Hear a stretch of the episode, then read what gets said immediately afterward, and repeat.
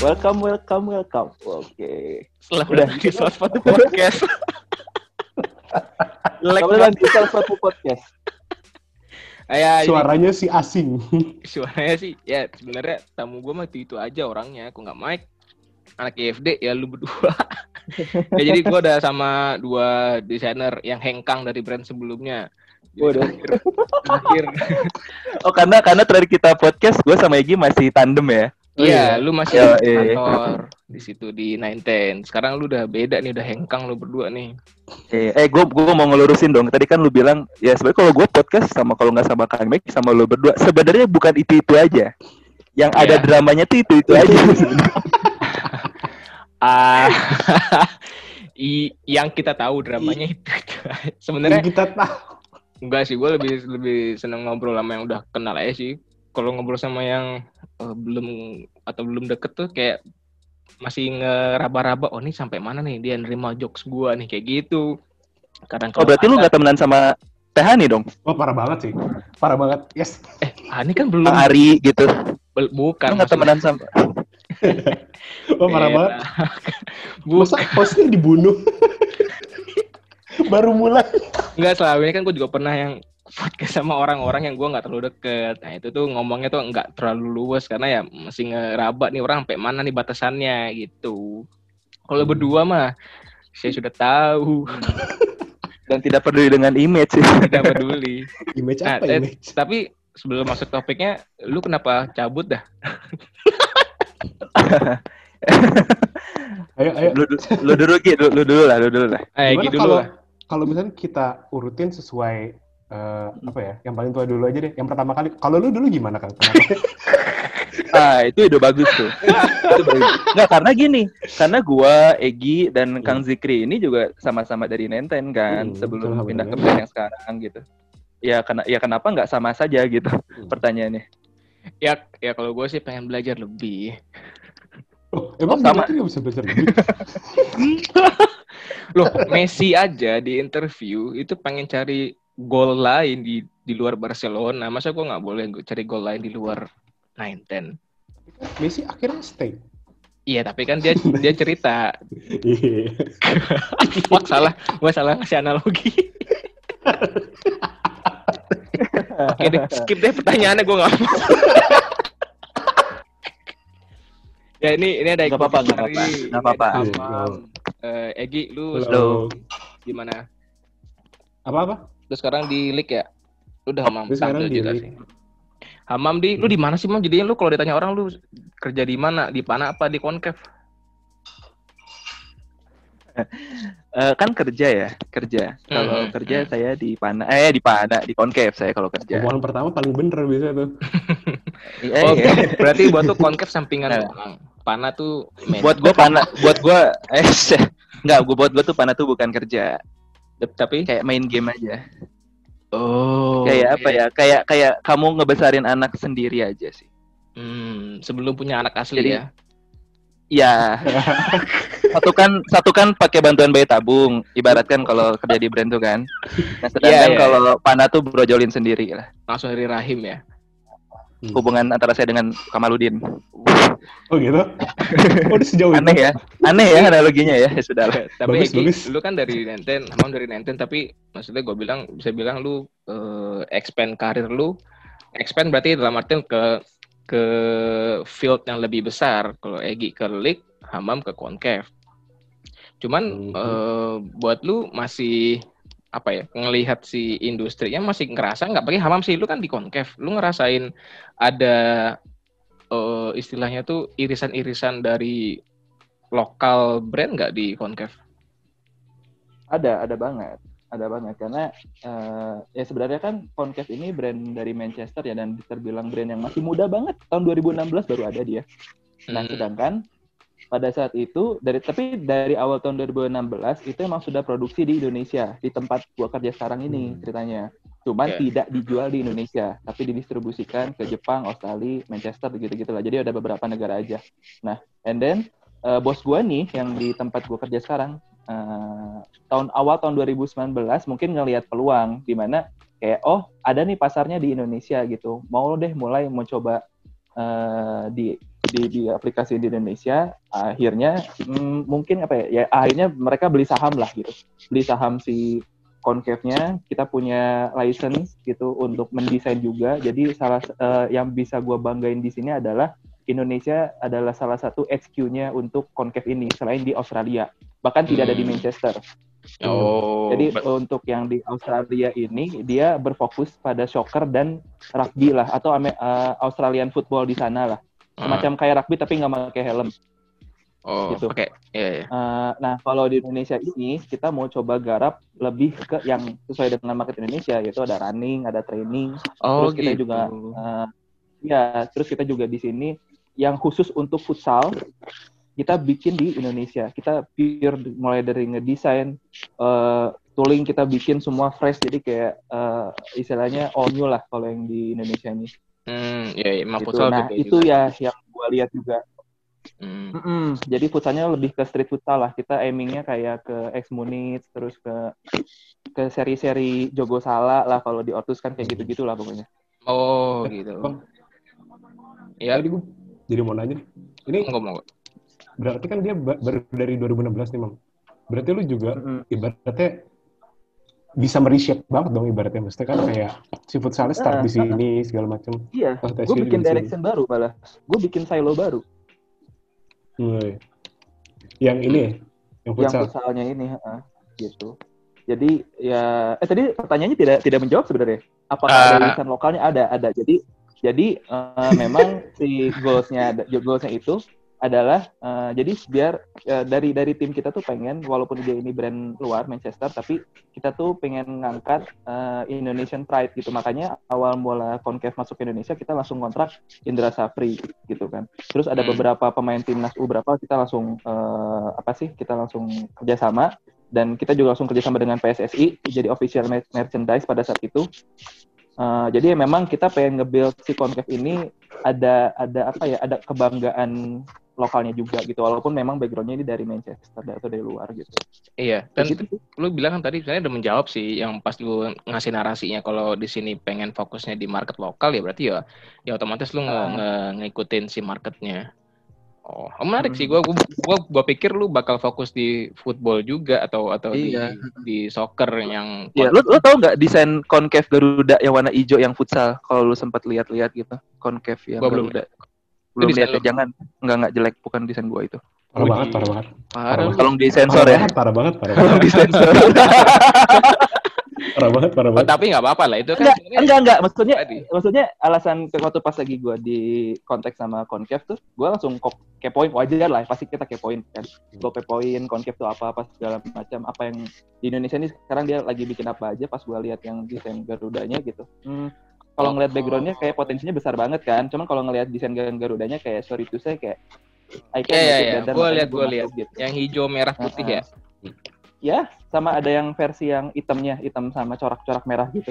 Kayak ya, petir-petir gitu. lebih uh, yang sering kita hadapin lah ya. Oh Indonesia tuh apa hmm. desainnya? Oh udah kasih aja grafik-grafik budaya. Ah telek kucing. Ya ya gue gue setuju sih.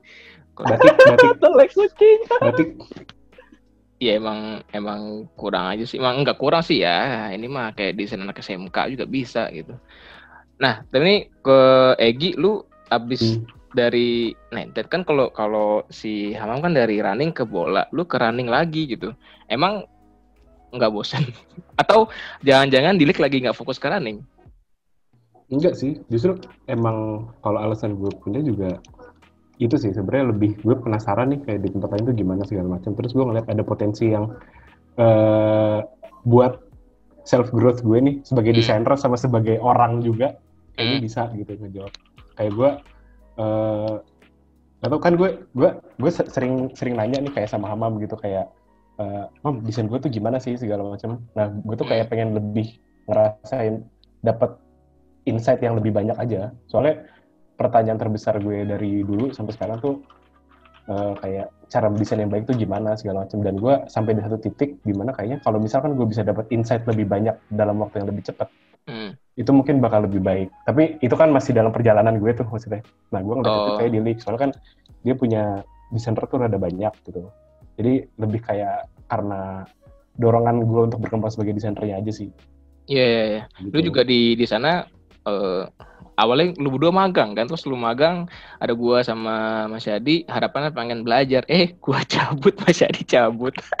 Ini ngomongin Nenten ya, takutnya tuh yang ngedenger kurang paham. Ini kita lagi Hmm. ngomongin Nenten. Jadi ngomongin Nenten. gue sama Egi masuk magang waktu itu. Karena Iya, kita tahu iya. ada bu- pembukaan eh, desainer baru pada saat itu. Jadi kayak ya udahlah kita jadi magang biar yang penting kita masuk dulu gitu. Dan ada Kang Yadi sama Kang Fikri dan ya ada benar itu dua bulan kita ditinggal. Mam, mam, lu dua bulan. Aku Ya, lu seminggu, sebulan. Iya, Anda seminggu ya. seminggu Kang Zikri, Jumatnya cabut. Nice. Dan Ayo. maksudnya pada tahun itu tuh Nenten setahun struggling dengan eh, desainer yang tanda kutip eh, mentah. Iya. Terima Ya, kasih. ya, ya, makanya makanya lu Gi jadi pengen ngerasain di tempat yang udah maksudnya bukan tempat yang udah lebih baik tapi kayak timnya lebih banyak terus lu belajar kurang ya gimana sih? gitu kerjanya sama orang. Gue juga dulu di Nenten juga ngerasain itu. Maksudnya kayak, aduh, gue belajarnya dengan satu mentor. Yang mana mentornya udah perfect sih buat gue. Mas Jadi mah udah ngajarin banyak hal dari cara komersial sampai cara idealis tuh dia ngajarin. Cuman pengen aja lihat perspektif baru. Makanya gue pindah. nah, sekarang kalau ngelihat dari Bisa ya bridgingnya? Iya bisa dong, bisa dong. Maksud gua pas gua ngelihat ngelihat Bisa keluar dong. itu lebih lebih emang kebuka lu se- seberapa explore seberapa banyak pun lu explore dalam satu tempat itu nggak akan bisa lebih dari tempat itu sediakan kan kayak gitu. Hmm. Nah, oh, Eh, tapi tapi ini gue pengen nanya ke lu deh bang. Gue penasaran deh. Kan lu kan orangnya kan performance banget kan. iya, lu yang iya, mengajari gue ke kantor pakai jogger tuh lu gitu. iya. Ya kan? Oke. gue pengen nanya kenapa pas dari Nenten lu pindah ke brand yang eh, istilahnya ya kita bisa bilang itu bukan performance lah. Iya, Ya iya, kan? Noka. Sebelum lu ke spek sekarang kan. Nah, Mhm. maksud gue tuh eh, apa yang lu pikirkan pada saat itu gitu. Ini menarik. nah, ini gue punya jawaban diplomatis nih. Nggak sebenarnya, sebenarnya ya, gue tuh pertama kali kerja kan langsung ke Nenten. Yang mana kebanyakan dari orang yang gue kenal tuh kerjanya tuh ke brand-brand yang startup. Iya nanti juga startup sih, tapi kayak lebih ke IKM IKM gitu teman-teman yang gue tahu. Nah pas gue masuk ke industri yang termasuk besar, gue kaget aja. Terus yang gue selama udah dua tahun gue ngelakuin hal yang sama berulang-ulang, gue sampai ada titik di mana anjir gue bosen nih ngerjain ini mulu gitu. Yang buat gue bahaya kalau gue passion gue di sepatu, terus gue ngerasa bosan sama passion gue tuh udah bahaya sih, itu udah lampu merah buat gue. Jadi gue pengen break dari kantoran, makanya gue pas ada Noka eh, nawarin itu ya gue tertarik yang kerjanya di rumah, lebih fleksibel, lebih ngelihat cara kerjanya eh, emang dituntut kedewasaan kita aja sebagai desainer untuk mengerjakan tugas itu. Cuman ya setelah itu karena karena itu nggak ini nggak performance ya gue jadi nggak lama juga di sana itu juga ya. Sampai pada suatu hari terbuatlah sebuah story. Duh, kangen bikin sepatu running nih. Goblok. Iya. Emang Atau ya story gini, duh mau nikah nih. Gitu. Waduh. enggak kalau duit mah gedean di Noka lo gue jujur gedean di Noka di gua dan gua di Bandung Wow. apartemen bokap jadi gua nggak ngeluarin duit banyak gaji lebih gede gua tinggalnya lebih hemat. Iya, iya, iya. Iya kalau ngomong duit mah Iya, gue dan nggak dibanding- ini, iya, iya. cuman ya gue bosen aja bikin sepatu lifestyle. Gue nggak nggak tertarik, lebih suka performance. Anyway, ini kenapa bahas gue kucing. Nih, sebenarnya gue tertarik undang lu berdua kan lu juga pernah beberapa minggu yang lalu tuh lu share stories Hamam nih nge-share stories ada satu ini brand guys, iya brand sih, brand namanya polos.tm. Ini gue Iya. sebut aja nih brandnya. Terus eh gue juga bertahu dari stories Hamam. Jadi si polos ini dia bikin apa ya istilahnya tuh jasa. Di awal kan awalnya polos ini untuk custom sepatu doang ya dan reseller-reseller yang dari gua gua Eh, riset. iya. Dan tiba-tiba nggak mungkin nggak tiba-tiba sih, mungkin karena ada demand juga, mereka akhirnya membuat sebuah jasa untuk bikin brand sepatu dari sepatu polos mereka. Jadi orang-orang lu kalau mau bikin brand sendiri, lu tinggal tempel logo di kita atau custom sesuai dengan paket yang kita tawarkan gitu. Nah, jadinya ini seperti jalan pintas orang-orang untuk membuat brand sepatu di di Indonesia untuk meramaikan lokal brand di Indo gitu. Nah, dari menurut lu berdua gerakan atau hal yang dilakukan sama Polos ini gimana? Gua ke gua ke Egi dulu deh. Sama Benar. Hamam dulu nih kan Hamam yang Lo dulu Gini, gila. gini. Enggak, Oke. nanti Hamam ada bridgingnya lagi. Oke. Kalau menurut gue sih gini, eh, dia kan ngasih template gitu ya untuk apa Iya. namanya, untuk untuk langsung bikin sepatu. Mm. Gue sih lebih karena gue emang juga bergerak di industrinya, maksudnya dalam tanda kutip gue bukan bukan bergerak, gue bukan fokus ke bisnisnya tapi lebih ke arah desainnya gitu. Gue sih ngerasa kayak apa ya, eh, banyak gitu sebenarnya yang yang bisa lu tawarin ke apa namanya ke masyarakat gitu. Sebenarnya eh, ketika lu bikin brand, ini harapan gue sih maksudnya sebagai orang awam yang belum punya brand, itu tuh lu tuh harusnya membawa sesuatu yang baru ke kita. Entah itu bentuknya produk ataupun experience. Dua itu sih kalau kata gue. Nah, dengan adanya ini gue ngerasa itu nggak ke deliver. Kayak Mm. apa yang mau lu sampein gitu loh. Selain cuman jualan, cuman isi pasar gitu. Ya, cuan sih nggak apa-apa gitu. Cuman misi lo apa bikin brand gitu. sih. Tapi itu di- dilihat secara idealis loh menurut gue. Maksudnya Hmm. itu kalau kalau gue, maksudnya itu bi- sangat bisa bertabrakan dengan idealis lain. Oh, Cuman kalau gue ngeliatnya lebih kayak gitu. Eh, ini, ini mah Ya, kita mah beropini nggak lebih, usah kayak gitu. Maksudnya nabrak gini aja. Iya, Ah, ya, ini lanjut, lanjut, ngapain lanjut. sih? Ini ngomongin apa sih? Iya, iya, jadi jadi kalau menurut gue sih sayang aja gitu. Eh, soalnya buat brand kan susahnya bukan cuma di eh, bikin produk gitu loh sebenarnya. Cuman ada ada hal lain gitu kayak lu esensinya buat brand apa gitu. Kayak kalau emang eh, lu takut gara-gara produk lu takut gak laku gitu ya, karena Hmm. udah apa namanya? Eh gimana ya? Kayak sebenarnya banyak lah yang bisa ditawarin kalau bikin sayang aja kalau misalkan ternyata produk yang lu keluarin bakal sama kayak puluhan brand lainnya gitu. Berarti Sayang lu aja. ngelihat ini tuh sebagai gerakan yang eh, bisa dibilang tanda kutip negatif untuk untuk brand lokal. eh dari perspektif Mhm. ini ya, maksudnya dari dari perspektif nilainya gitu mungkin ya bisa berefek negatif. Cuman kalau dari pertumbuhan bisnisnya segala macam itu oke sih. Mungkin harapan gue lebih kayak gini sih. Ketika orang udah pakai ini, satu produk, dua produk nggak apa-apa deh. Tapi lu tetap harus explore lagi tuh produk mau jadi apa nantinya. Oke. Ngerti ya? Mhm. Ngerti? Jadi, kalau kalau kalau emang buat start oke lah nggak apa-apa. Tapi kalau misalkan nantinya untuk berkelanjutan kayak ini serius mau mau sama semua nih gitu. Maksud gue gitu loh. Hmm. Jadi eh, buat gambaran nih pendengar kalau yang belum tahu, jadi Polos TM Hmm. tuh dia nyediain template sneakers, mostly nggak mostly kayak semuanya itu vulcanized, ada yang slip on, ada yang high cut ala-ala Converse gitu, terus ya paketnya ada yang lu tempel logo, lu di Mhm. custom boxnya atau eh, shoe tag segala macam, tapi dengan siluetnya dari mereka gitu. Ya, iya sih, gue juga ngeliat hal itu pas gue baru dari Hamam, hmm, apa ini? Tiba-tiba ada kayak beginian, oh gue baru tahu ada yang bikin jasa seperti ini. Ini ada kapsul juga sih mereka. Oh iya betul, makanya ada kapsul juga. Iya iya, Vulkan dan kapsul. Nah di dari segi Hamam nih, lu kan Mam sebagai desainer iya, dan sekarang lu juga merambat di bidang bisnisnya juga dengan Pana. Lu ngelihat fenomena, nggak fenomena sih, lu ngelihat eh, Polos ini membuat jasa seperti ini gimana pandangan lu?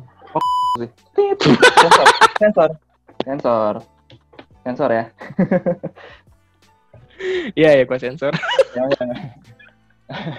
Eh, gimana ya? Maksudnya gini, kalau gue sih gini, awalnya gue emosi banget sih. Hmm. Orang per- yang pertama yang gue ceritain masalah ini tuh Egi gitu. Gue diskusi sama dia panjang via Instagram waktu itu gitu. Eh, Cuman setelah ngobrol sama Egi, eh, karena Egi ini kan dia lebih ini ya, dia eh, pandangannya lebih luas daripada gue sebenarnya. Wawasan dia tuh cara dia menyikapi menyikapi sesuatu tuh dia lebih bijak dibandingin gue gitu. Jujur. Jadi Ada juga aja. eh, Iya, terus terus. kadang gue belajar banyak gitu dari Egi. Jadi waktu pas itu akhirnya gue kayak bisa dilihat dari dua sisi nih bang. Jadi kayak Hmm. ketika lo mau bikin brand itu fokus lo mau ngapain dulu nih gitu nyari cuan apa emang lu tuh passionate sama brand yang lo bikin atau lo emang pengennya sustain gitu. Nah kalau misalkan emang niat lo adalah buat nyari duit gitu, yang buat nyetak cuan doang, ya sok mangga gitu sebenarnya sih tanpa harus ada embel-embel lokal pride gitu. Karena pada dasarnya gue Hmm. udah muak juga sih. gue pribadi gue udah muak juga dengan dengan uh, siluet-siluet yang kayak begitu gue pribadi ya gitu uh, sekali lagi tanpa mendiskreditkan brand-brand yang memang uh, fokusnya di produk produk-produk yang seperti itu gitu. Cuman maksud gue tuh kayak uh, lu lu capek nggak sih gitu? Kayak orang bilang kayak oh uh, di kayak di akun-akun lo, uh, akun-akun lokal brand tuh kayak yeah. wah hadir brand baru dengan siluet yang fresh. Ya kan? Pas gue lihat produknya tai gitu kan? Gitu loh. Iya yeah, ya yeah, gue paham gue paham ya kan? maksud aku tuh si, si, ngomongin siluet sepatu tuh nggak gitu gitu nah kalau uh, kalau kalau gue disangkanya ngomong doang gitu ya makanya gue bikin panah sebenarnya gitu jadi hmm. maksudnya Uh, maksudnya Pana juga sebenarnya bukan siluet yang baru, lo pada juga pada tahu lah itu bukan siluet baru. Cuman maksud gue tuh, lo kalau misalnya pengen ngasih yang fresh atau ng ngasih kontra desain ke market itu, ya tuh gitu, saya lo bisa kok gitu, referensi banyak nggak cuma di situ doang gitu. Masalahnya lo mau apa enggak gitu. Nah kalau hubungannya sama si polos ini gitu, uh, buat gue sih kembali lagi setuju gue sama Egi. Kalau misalkan lo emang uh, pengen bikin sepatu yang kayak gitu-gitu aja, nggak masalah. Karena kita sama-sama tahu biasanya di brand tuh ada produk yang kayak produk-produk hmm. kacangan lah ya, yang buat Nasinya buat gitu buat. Uh, uh, nah, memang nggak nggak bisa dipungkirin sulet-sulet kayak begitu itu memang uh, ya kacang banget. Memang ada marketnya di brand lokal tuh itu udah nggak akan ada habis-habisnya. Sebelum corona tuh Yeah. Kalau gue dapat kabar dari temen gue itu seminggu tuh 12 pairs itu lo bisa sold out gitu. 24 pairs tuh bisa sold out dalam seminggu gitu. Jadi emang kencang banget. Cuman maksud gue tuh kalau misalkan lo emang intensinya bikin brand itu emang karena lo juga istilahnya uh, pengen si brandnya itu berkembang dan sustain, ya maksud gue lo harus ada satu produk deh yang yang lo bisa banggain gitu. Yang hmm. nggak nggak nggak nggak cuma nempel logo, lo bilang siluet baru mana eh tapi gini ya kan? uh, eh, gue coba ngelihat dari perspektif di luar sebagai desainer sama atau ke industri di footwear ya misalkan ini hmm. katakanlah semua produk lo lokal pride atau lokal brand itu membuat sepatu dengan siluet yang sama kerugian yang kita dapat di industri ini kayak apa kalau kok kita sampai eh, nggak uh, setuju dengan adanya hal seperti ini atau mungkin kurang ya kurang sepakat lah. Menurut lu gimana? Kerugiannya sih ya, gimana gitu? Nah, menurut keru nah buat gua sih sebenarnya uh, gimana ya? Enggak sebenarnya nggak ada salah sih bang. Again gue gue jelasin ini kayak mm. sebenarnya nggak salah. Cuman maksud gua tuh uh, disayangkan gitu. Disayangkan aja. Maksudnya kan kita selalu menggembor-gemborkan kayak wah Indonesia tuh adalah uh, empat terbesar produsen sepatu di dunia. Yes, Oke, okay, yes. ya kan. Uh, kita harus berdiri di kaki sendiri. Kita harus jadi market leader. Gak akan sampai sana, bang. Kalau kayak gini-gini terus gitu. Hmm, sih. Sama gue lebih ngeliatnya gini juga sih, Kang. Jadi kayak uh, eh, gue nggak tahu semua orang paham ini atau enggak. Cuman uh, keuntungan lu punya brand adalah lu bisa mengedukasi. Itu yang pertama. Jadi kalau misalkan, mesti gini, kalau misalkan nggak ada gerakan lokal pride dengan vulcanize ini, orang nggak bakal lebih sadar lagi tentang oh vulcanize itu ternyata disukai gitu, ngerti gak? Vulcanize itu sesuatu banget di kita. Nah itu karena yeah. semua brandnya bergerak bareng gitu. Oke kita bikin vulcanize, makanya jadi something vulcanize. Coba bayangin potensinya kalau semua brand ini, misalkan uh, ada yang bergerak di siluet apa, satu di siluet apa, siluet apa, menurut gue sih bakal lebih kaya gitu dan market bakal lebih kayak oh ternyata kita bisa ya bikin sesuatu kayak gini gitu ngerti gak sih? Iya iya. Coba uh, bayangin ya, hmm. bayangin di Indonesia lebih, itu punya kayak lo tau gak, ini tau kan yang We Are Underdog itu? Iya tahu. Tahu. Bayangin, oh, jadi uh, sorry, We Are Underdog ini buatannya uh, salah satu kompetisi yang Pencil bikin Terus uh, mereka tuh kayak nge-gather semua desainer-desainer independen untuk bisa membuat karya terus dijual melalui platformnya We Are Underdog gitu kan. Nah, that's it. Maksud gue tuh keba kebayang nggak kalau misalkan brand-brand lokal kita gak usah semuanya, mostly itu kayak begitu gitu. Ih. Hmm. Ya, itu akan jauh lebih menarik sih kalau kata gue gitu. Kalau ngomongin sehat ya sekarang kalau dengan sepertinya bisa sehat gitu. Hmm. Tapi maksudnya akan jauh lebih menarik gitu dan uh, Indonesia akan jauh lebih dilihat lagi gitu. Iya, yeah, gua gua setuju sama yang pas tadi lu Mam bilang statementnya kalau kita selalu bilang empat produsen keempat terbesar di dunia dalam hal memproduksi alas kaki, ya apa gunanya kuantitas kalau kualitasnya ya gitu-gitu aja selama bertahun-tahun lagi dibanding Vietnam gue diceritain juga dulu kalau bahkan Vietnam tuh belajar sama kita loh kita. masalah uh, produksi ataupun masalah factory gitu sampai mereka sekarang melalit jauh di atas kita dalam hal kualitas maupun kuantitas bahkan uh, yang mungkin jadi masalah adalah bukan bukan jenis atau model bisnisnya kali ya tapi kayak ketika lu itu ngebawa sebagai sebuah sesuatu yang pride sesuatu yang lu bangga-banggakan yeah. dalam lo sebagai produk lokal terus terus lu menjadikan lokal pride itu gimmick dalam jualan lu tapi kayak gitu prosesnya itu yang jadi masalah sebenarnya. Tapi kalau lu mau iya. cari cuan mah ya terserah yeah, terserah lu aja mau ngepet juga nggak apa-apa gitu cuma gak cuan. Ya lu kayak lu produksi di situ nggak masalah di yang polos itu. Maksud gue tuh ya udah istilahnya ya di situ cuma jualan aja gitu. Nggak usah yang digoreng kayak gimana-gimana gitu. Maksud gua mm. ya itulah jadi kayak karena kan sebenarnya esensinya dari lo buat brand itu buat gua tuh adalah ya prosesnya gitu kebayang nggak sih kalau orang makin ke sini makin mudah kayak bikin brand tuh udah kayak ada agensinya kayak gitu-gitu kan lu nggak akan dapat yeah, yeah. esensi si prosesnya itu gitu ya kan yeah. yang nah. yang yang di apa sih yang menjadi sebuah brand atau individu itu besar tuh kan sebenarnya prosesnya juga gitu nah lu nggak akan dapat si prosesnya kalau oke begitu gue sebenarnya jujur kayak sedikit kasihan juga sih sama teman-teman yang emang misalkan pada akhirnya pengen buat startup tapi kayak aduh gitu deh gue ke sini aja deh bikin gitu nah hmm. maksudnya lu sayang banget gitu lu nggak akan dapat ilmunya gitu lu ya, ya lu cuman tahu jualannya lu cuman tahu kayak oh ya udah keraknya doang gitu hmm. atau gini nggak sih maksudnya gue ngelihat ini tuh ada karena demand pasti kan ada yang ada yang request banyak atau mereka ngeliat potensinya di di market hmm. seperti itu hmm. tapi mungkin sekarang dengan banyaknya orang yang pengen bikin brand sepatu, apakah justru yang lebih tertarik ke arah sneakers atau footwear industri ini justru orang-orang di bagian bisnis? Tapi mereka kekurangan untuk masalah desainer sehingga susah nyari desain mungkin atau rate-nya nggak jelas atau kualitas desainer lokal mereka belum percaya sehingga fokus mereka dalam membuat bisnis itu ya udah gue mulai aja dulu. Yang mana gue lihat gue juga kenal beberapa orang yang pengen bikin sepatu terus nanya ke gue, Zik lu punya kenalan nggak bikin sepatu di mana dan sebagainya. Mereka kesusahan untuk memulai itu dan mungkin bagi mereka si polos ini itu adalah salah satu pintu terbaik untuk memulai gitu. Tapi pas ngomongin desain mereka nggak ada orang, mungkin nggak ada tempat kali. Apakah kita juga uh, salah di situ kali kalau ngomongin salah dan benar. Nggak ada nih tempat desainer menyediakan jasa. Oke, kalau kalau menurut gue mungkin itu tadi ada benar juga sih. Maksudnya uh, informasi tentang vendor mana, hmm. bikin bikin suatu di mana segala macam. Soalnya ya gue ini ini gue sedikit sharing sih. Mungkin mungkin Hamam nanti bisa cerita lebih jauh gitu. Soalnya gue juga merhatiin kan waktu Hamam ngedevelop Pana tuh sampai berapa bulan sampai jadi uh, apa namanya satu siluet si Senua itu. Nah, itu tuh banyak gitu sih si tantangannya dari mulai uh, mm.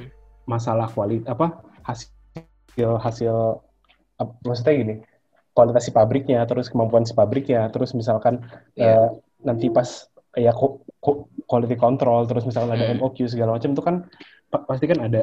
Nah mungkin uh, si apa namanya dari dari kita maksudnya kan ada ada computer forum segala macam mungkin uh, kekurangan kita di situ. Makanya si apa namanya uh, polos ini bisa terbentuk gitu. Sebenarnya polos pun juga ya bener kata lu juga gitu. Dia menjawab sesuatu yang dibutuhin sama masyarakat. Hmm. itu sebenarnya bener juga. Mungkin yang jadi PR buat kita ya itu aja uh, kelemahannya polos adalah ketika ng ngomongin desain mungkin uh, kalau misalkan lu pakai desainer lu bisa dapat uh, opsi desain yang lebih apa ya lebih out of the box. Mungkin ya ini mungkin. Nah hmm. tapi uh, kelebihannya dari si Polos juga itu ya dia bisa nawarin sesuatu yang three in one gitu loh. Misalnya yang oh eh all in one sorry.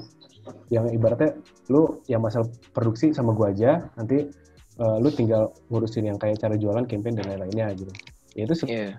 sebenarnya jadinya nggak bisa dipungkiri kalau itu juga menjawab kebutuhan market juga kan maksudnya. Eh, tapi uh, ini pas gua riset ya, polosnya hmm. dari mana gitu. Ternyata polos ini tuh salah satu partner mereka atau atau karyawan mereka atau founder mereka gue nggak tahu itu tuh dari Handika Bayu uh, gue nggak kenal sama orangnya sih dan gue nggak tahu orangnya yang mana. Mungkin pernah ketemu tapi gue lupa.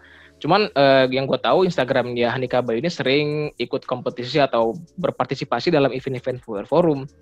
Nah pas gue tahu oh ini tuh Andika Bayu. Dan dia tuh desain taste-nya bagus buat gue tapi dia terlibat di polos ini. Apakah uh, emang si kalau ngomongin desain kita pasti punya gitu taste-nya orang kita mah udah hmm. bagus-bagus tapi hmm. pas masuk ke arah bisnis si apa ya desain yang pengen kita buat sebaik mungkin itu bakal tetap kalah dengan yang namanya price point yang mana tuh jadi kendala terbesar juga buat buat kita si entah itu produsen ataupun si desainernya. Nah, buat menurut kalian si price point ini bener jadi apa ya? Jadi hambatan terbesar nggak buat para teman-teman yang pengen bikin bisnis sepatu?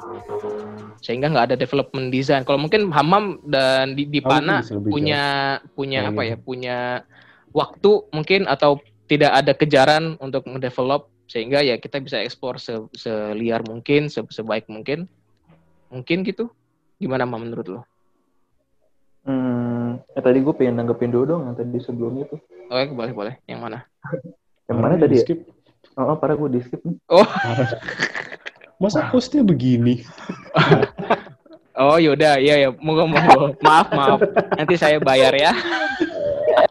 eh, iya, enggak enggak tadi kan lu bilang apakah ini kesalahan kita gitu atau hmm. misalkan uh, tadi apa sih itu pertanyaannya tuh? Hmm, yang pertama, si, mungkin nggak ada. udah mulai naik, Iya. Nah, Sidusnya udah mulai naik, tapi uh, si nggak ada jasa itu nggak ada atau gitu-gitu.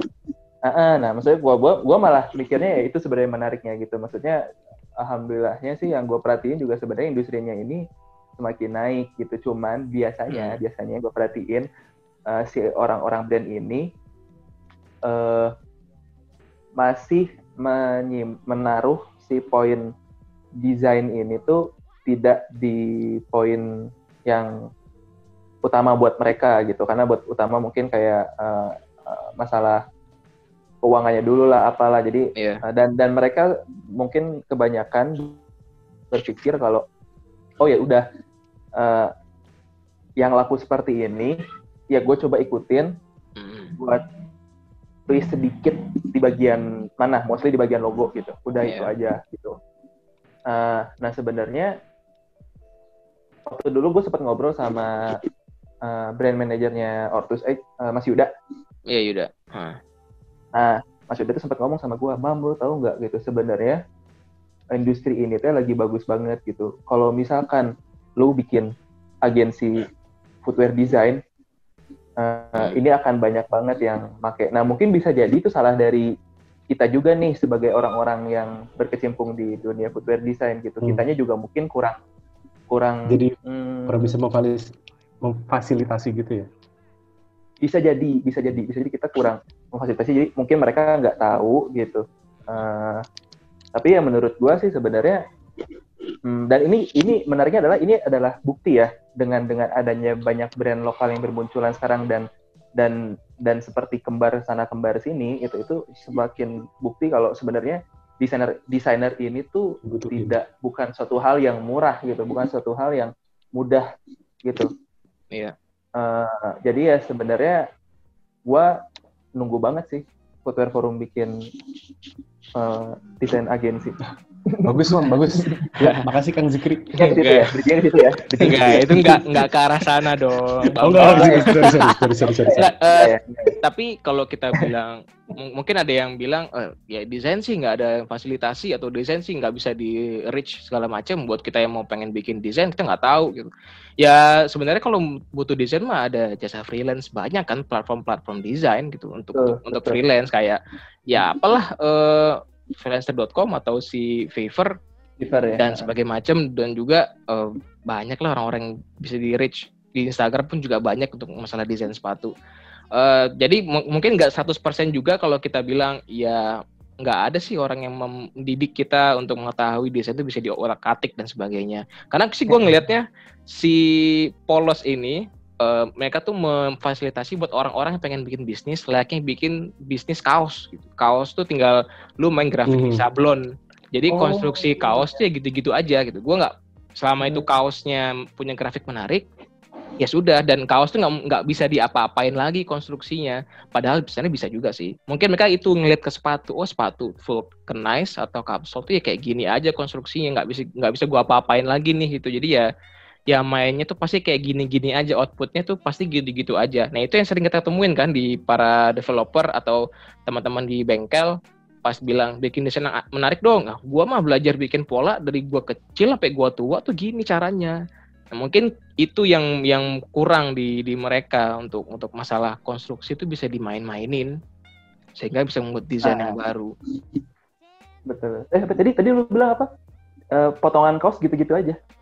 Iya makanya padahal nggak juga kan. Mungkin ngelihatnya Betul. si kaos tuh juga Kang bisa. Fajar pasti marah sih.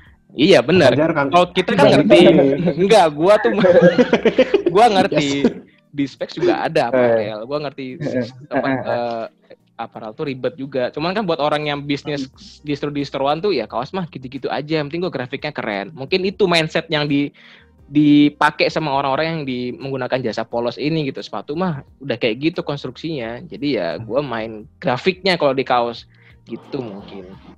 Sehingga jadi cuan. Tapi eh, buat lu mam yang tadi pas gue bilang mungkin karena desain itu sudah eh bukan sudah ya mungkin desain itu karena development yang butuh waktu yang panjang cost yang lebih dan tidak bisa cepat sehingga tapi mereka butuh uang atau butuh pertumbuhan yang lebih cepat mereka nggak sempet tuh untuk desain jadi hambatan menurut lu gimana setuju nggak sama statement kayak gitu Setuju sih. oke selesai enggak, benar, benar, benar. Enggak ya, ya. Enggak, enggak, enggak, enggak. Enggak, eh, di salah satu kesempatan gue sempat sempat sempat ngobrol sih Hmm. masalah masalah si eh, modal gitu. oke Ya sebenarnya sih kalau kalau kalau lu pengen bikin bisnis, eh, gua nggak ngebullshit lah. Modal itu penting gitu. iya Cuman kan sekarang sebenarnya eh, kalau ngomongin modal, ya gue juga kayak ketika gue bikin pana, modal gue gue buka aja lah. Modal gue cuma 21 juta kalau nggak salah. Hmm. Eh, itu pun eh, gue pakai beberapa investor buat buat inilah buat mulai gitu.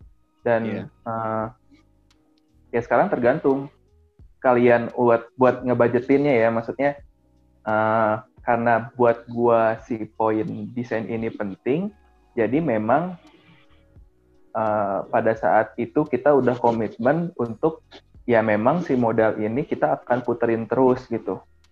Maksudnya dalam arti di sini kita memang eh, niatnya tidak mencari cuan di awal gitu.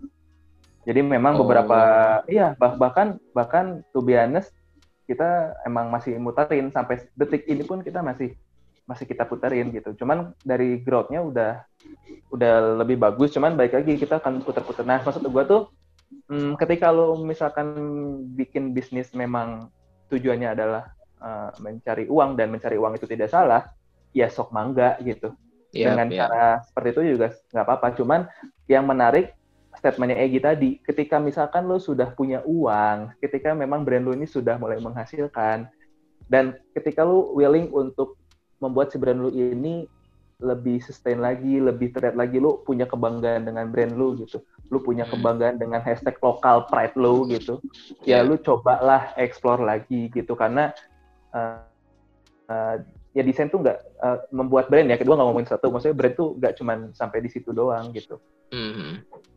Iya, iya. Gitu. Sih. Eh, jadi tidak, tidak salah ya tidak salah. Uang tidak pernah salah Iya, jadi sih kita di sini eh, ngomongin si polos ini dan mungkin ada brand lain yang sejenis menggunakan model bisnis yang sama. Kita sih nggak nggak menghujat itu ya, maksudnya ya terserah lu aja. Cuman di sini kita ngelihatnya kalau memang fokusnya lu ngebawa nama pride pride itu, pakai bawa nama lokal itu sih udah mulai bermasalah di situnya gitu. Kalau mau cari duit dengan cara apa pun terserah lu, masalah lu urusan lu tapi kalau udah bawa-bawa nama lokal dan kita pun terlibat di situ itu yang jadi masalah gini gua eh waktu itu dapat omongan dari Pak Har nih bosnya Nenten kan. Dia cerita dulu dia punya teman orang Korea. Ini dulu banget ya 90-an lah nggak salah dia cerita. Eh teman Koreanya ini ketika waktu itu lagi naik-naiknya HP Nokia atau gue tahu iya oke lanjut, lanjut, lanjut. Di temen yang Korea ini pakai sepatu eh sepatu lagi pakai HP-nya HP Samsung yang jelek saat itu masih jelek banget Samsung dengan flip phone-nya itu yang Nokia udah udah Iya, engage lah, ada apalah, gitu, udah bagus banget. Iya, Terus eh Pak Hari ini ngomong ke temen yang Korea, lu kenapa nggak pakai Nokia sih gitu, lu nggak pakai yang keren lagi sekarang lagi hip, lagi hits gitu. Terus dia bil- temannya bilang ya, kalau bukan gua yang make Korea Samsung ini, gimana mau maju industri atau si brand dari negara gua gitu. Di situ gua di, ditanamkan bahwa lu tuh harus harus mendukung dengan cara seperti itu walaupun barangnya jelek, tapi lu harus tetap membantu dia dengan mensupport ya beli atau make gitu. Nah, dulu gue sempat mengamini itu beberapa tahun ya. Cuman sekarang setelah gue sadarin sebenarnya bukan di situ poinnya.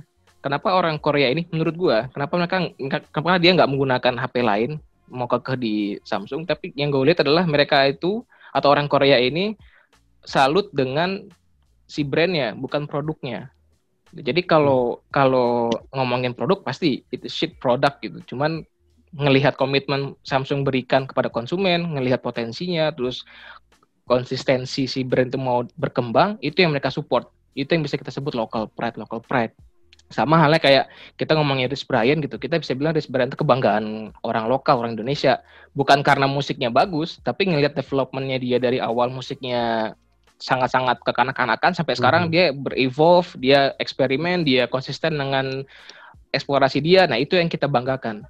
Nah buat gue sih ketika lu ngomongin local pride, bukan barangnya, tapi si brandnya. Barangnya shit atau gimana tuh terserah lu.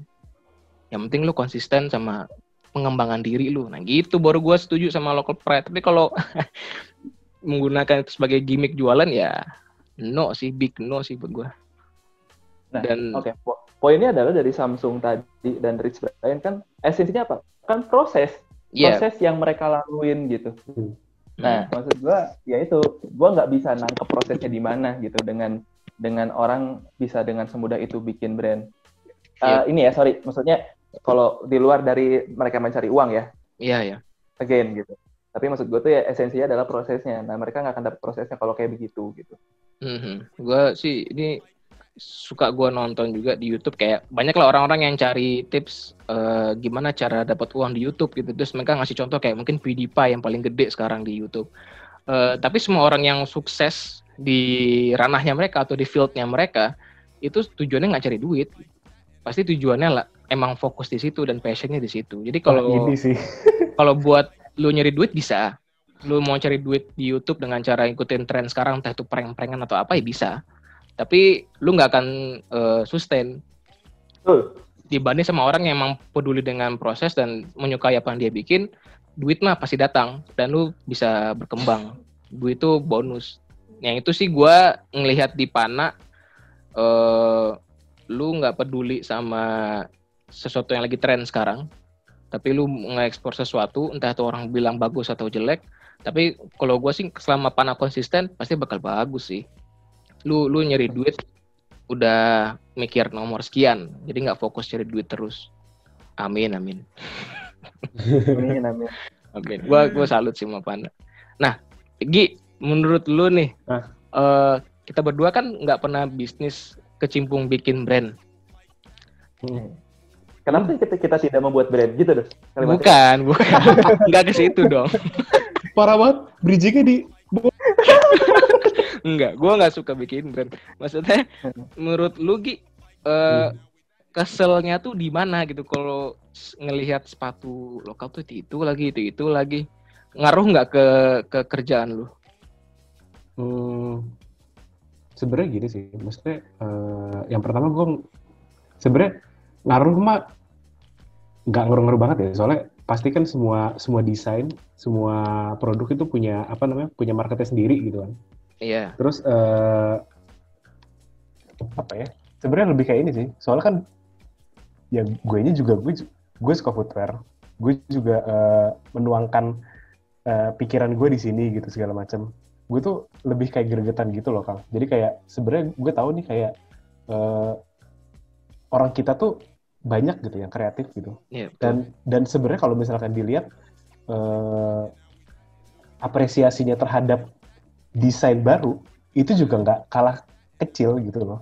Kayak gede gitu sebenarnya. Ketika ada sesuatu yang baru uh, apa ya kayak mungkin ada yang ada yang bilang jelek tapi tetap ada yang mengapresiasi gitu. Kita tuh masih menghargai yang kayak gitu. Coba jadi kayak sayang aja gitu. Kayak gue tuh uh, yang bikin gue agak bukan kesel ya, tapi kayak risih itu lebih ngeli karena potensinya aja. Kita punya potensi, tapi kenapa malah ngambil yang biasa gitu. Kayak kayak lu bisa bikin nasi goreng, tapi lu malah bikin nasi telur ceplok gitu. nice, nice. Oh ya, Oh kayak, iya. kayak kita tuh bisa gitu sebenarnya. Maksudnya ini gue yakin siapa pun yang punya brand tuh lu bisa ngelakuin dari apa yang lu lakuin sekarang gitu. Lu bisa. Cuman ya, balik lagi gitu, maksudnya concern lu apa segala macam. Nggak apa-apa, maksudnya nggak ada yang salah. Cuman maksud gue eh, ini kayak gue ngomong kayak gini mungkin eh, bisa sedikit nyadarin gitu, bukan nyadarin juga ya. Kayak ini mah gue curhat gitu ya Hmm. kayak lu tuh punya potensi gitu sebenarnya lu bisa buat sesuatu yang lebih dari apa yang lu lakuin sekarang gitu soalnya lu bikin brand aja bisa gitu maksudnya brand kan susah gitu kalau buat gua karena gua nggak nggak punya brand kan ibaratnya gitu Iya. pasti lu bisa Eh. ngelakuin yang lebih sih Gua pas eh, ini lu coba lu lihat ya. Maksudnya ketika kita ngebahas brand lokal, terus lu cari reviewer-reviewer apa pun lah, medianya apa pun, satu YouTube, satu artikel atau apa pun, ngomongin tentang brand lokal, review-review brand lokal, 90% tuh pasti sepatunya kayak gitu-gitu lagi gitu. Beda sama lu ngelihat, eh, oke lah ini nggak apple to apple ya, tapi ngelihat brand lokal Cina kayak Anta Leading tuh eksplorasinya udah gila-gilaan banget. Itu yang Hmm. bisa kita bilang local pride tuh kayak gitu buat gue karena nggak cuma dari sisi desainnya yang expand bisnisnya juga. Jadi gue keselnya di situ sih. Kalau gue sih kesel ya maksudnya. Iya. Tapi gini tapi keselnya bukan kesel yang masalah pribadi tapi lebih Hmm. ke arah eh, industrinya. Ketika kita punya desainer nih punya pandangan sendiri tentang yang kita ngelihat keluar kayak gimana arahannya oh mau ke sini mungkin arahan desainnya atau seperti apa tren ke depan. Terus kita aplikasikan ke dalam desain kita yang mana dilempar ke market lokal market lokal tuh nggak pernah siap untuk hal itu gitu. Selalu menunggu menunggu. Nah itu sih gue keselnya. Kita nggak berani nyoba hal baru. Beraninya tuh kalau udah pasti pasti. Jadi nggak akan berkembang. Dan gue sebagai desainer nggak bisa ngelampiasin barang yang gue jual ke market itu dalam bentuk yang yang keren. Tanda kutip keren. Iya. Pasti gitu lagi gitu Dan lagi. buat mereka itu adalah kanvas. ya ngelihat si Essex unit suka aja yang baru keluar itu walaupun dengan siluet yang sama tapi eksplorasi bottomnya bagus. Detail-detailnya bagus walaupun sama-sama kanvas gitu. Buat gua eh, apa gitu kalau kita desainer tuh pas ngelempar ke market marketnya kayak gitu juga kesel kan. Nah ini nih gua pengen karena udah gak lama sih ngomongnya. Ini gua ngasih pertanyaan terakhir nih buat kalian berdua nih. Waktu kemarin gue eh, ikut kan di kan kan gue ikut ya penjurian AFCC dari BPIPI. Terus ada sesi setelah itu yang mana kalian nggak ikut ada statement yang bahwa yang membuat brand itu maju adalah reseller. Jadi kayak orang sekarang mengejar harga reseller setinggi mungkin. Jadi patokan di situ. Selama gua sold out dan gua reseller gua pada ngejual tinggi-tinggi, itulah kesuksesan gua bisa bilang brand gua sukses. Lu setuju nggak? Dari Egi dulu deh. Gak tahu ya. Maksudnya, eh gue gue yakin semua semua orang juga ngelakuin apa namanya eh bikin brand pasti kan ada ada tujuannya. Tujuannya itu sukses lu gitu. Ya kalau emang eh, orang itu bilang eh, apa namanya Hmm. eh, di resell adalah sukses, ya udah berarti emang sampai situ gitu loh. Tapi nggak semua brand loh kayak gitu. Maksud gue, eh, gue rasa ada lah orang yang yang misalkan suksesnya tuh pengen ketika ngomongin sepatu kanvas, sepatu vulcanize, yang di jadi top of mind-nya brand dia. Pasti ada dong kayak gitu. Hmm. Dan gue rasa itu kayaknya bakal lebih baik daripada lu di resell gitu. Atau Tapi- ada mungkin eh, yang yang sisi suksesnya tuh lebih lebih humanis lagi. Misalkan dia pengen bikin sepatu yang bisa dibeli sama semua orang gitu, yang selalu ada buat semua orang itu juga nggak apa-apa gitu. Kalau emang ternyata suksesnya seperti itu, beda-beda. Oh, oke Kata oke. gue sih. Tapi Jadi, sekarang banyak gua- loh yang gua- pengen ke situ. Maksudnya eh, kebanggaan mereka ya sold out dan resellernya ada yang jual mahal. Lu setuju nggak kalau ada brand yang pengen bikin atau punya goal seperti itu dari lu pribadi aja? Goalsnya sold out segala macam. Iya, jadi ya Eh, ngakalinnya lu bisa Ini. bikin sedikit mungkin, Oke. menjual selimited mungkin. kalau gue rasa itu nggak Eh, sampai lo bang kayak gitu. nggak nggak akan jadi sukses dalam jangka waktu yang panjang. Itu pasti goal goals kecil. Kayak produksi batch batch pertama nih, set laku sold out, ya itu udah pastilah. Kalau Hmm. tujuannya jualan. Tapi kalau misalkan jangka panjang, enggak sih. Jangka panjang pasti jauh lebih valuable daripada cuma cari duit. Oke oke. Kasarnya begitu gue bilang. Oh. Kalau lu mam gimana menurut lu mam? Nggak setuju gue. Iya, tapi Gua- tapi Pana keren dong. Maksudnya lu pengen nggak Pana tiba-tiba nanti ada orang yang jual reseller dengan harga belasan juta misalkan. Nah. Terus Gue perasaan lu. gua gua gua bangga tapi gua harap itu adalah eh, imbasnya. Bukan bukan apa yang pengen gua capai. Jadi dari apa yang gua pengen capai imbasnya ke situ nggak masalah gitu. Tapi maksudnya yang pengen gua capai sebenarnya kalau buat Pana ketika Pana udah bisa jadi eh, top of mind-nya di marketnya Pana sendiri gitu. Punya punya punya kue tersendiri di market gitu. Dan orang tahu itu Pana ya itu arti kesuksesan Pana buat gu- gua sebenarnya. Eh, biarkan sisanya itu adalah imbas dari itu gitu. Penjualan naik sold out di resell sampai harga eh, jutaan gitu.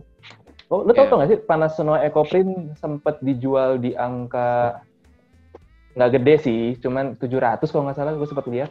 Dari harganya 375 ya 350 atau 375 gitu gue lupa Dua kali lipatnya berarti ya. Nah, maksudnya iya gitu. Ya bu, nggak- masih belum jutaan sih, cuman eh karena dari awal gue sama Udin, Din, kita bikin ini sepremium mungkin, sengit mungkin biar di resellnya. Walaupun gue sama Udin tahu pasti ada beberapa orang yang memikir ke sana, cuman eh, ya enggak lah, maksud gue itu itu ya udah itu urusan mereka gitu. Dan gue nggak ngeliat itu sebagai eh apa sih arti kesuksesan dari sebuah brand. Ya mungkin bagi kayak gue setuju Hmm. Eh, kata kata tadi setiap orang pasti punya punya apa ya eh, Goalsnya sendiri-sendiri. pu- eh, punya punya poin kesuksesan masing-masing gitu. Setiap brand punya lah. Buat Pana tidak seperti itu, makanya gue nggak setuju. Oke deh. Ya, ya gue sih sependapat lah. Kalau gue pribadi, eh, buat gue desain gue nggak bangga kalau dijual reseller tinggi, tapi sesuai dengan fungsinya aja. Kalau gue bikin sepatu running ya dipakai pelari, baru gue bangga. Betul. Tapi kalau dipakai Setuju, sama musisi, ya bangga tapi oke hype tapi ya lebih bangga kalau dipakai pelari gitu aja. sih. Gue lebih lebih orangnya ngelihat yang tujuan awalnya ya. Oke deh, Gitu. itu aja sih gibahnya gue pengen gibah banyak cuman nanti lah. Part 2, part 2. Eh, mam lu mau kawin ya sukses ya Oh iya. Amin. Sukses. Sukses. Seolah-olah karir. Iya. sukses dong kalau butuh tips so- kabar kabarin sorry, aja Sorry nih kalau gue ngomongnya kasar ya. Ais, santai bos apa sih Nggak tokonya ntar yang ngedenger, ih gila desainer kayak begini. Apa terus sih? kenapa emang desainer kenapa? Eh, emang desainer harus sopan nih mohon maaf nih. Tadi openingnya lu udah begitu. Coba iya, kamu iya. Kasih satu kata tentang itu langsung di open dengan kata-kata yang sangat bagus. Enggak sih gua mah eh, nggak peduli lah sama kayak gitu-gituan. Toh juga nggak diduitin ini ngapain peduli sama orang. nggak ada pemerintah juga. Kecuali kita diundang sama pemerintah baru gua baik-baik. ya gitu aja sih. Thank you Mam, thank you Egi. Yoi. Terus terus eh, apa yang kalian lakukan lah. Egi, Iya. jangan lupa mm, jadi ketua forum berikutnya ya. Oh. Shit. Ya ini sebenarnya tujuan podcast tuh buat ke sini. Sebenarnya nggak ada ketua sih, kita forum nggak ada ketua. Jadi butuh ada ketua nih. Hmm. Zikri Kemarin. Bowo. Kapan itu Hamzah, sekarang Egi. semua. Gila ya, Gua- gua- Nggak ada ketuanya forum, bosan nggak sih? Nah, Mam, lu kan ketua. pengen jadi imam keluarga. Gimana kalau Oh. jadi imam FF dulu? Nah, Tolol. masalahnya gini, gue udah ada yang diimamin, Gi. Lo ada Oh, yang iya. diimamin nggak? Kalau lo nggak ada yang diimamin, lo lu mending imamin Putra Forum. Justru Hmm. itu, gue Justru gua itu. harus harus harus nyari dulu. ya udahlah. Thank you, thank you. Sama Megi.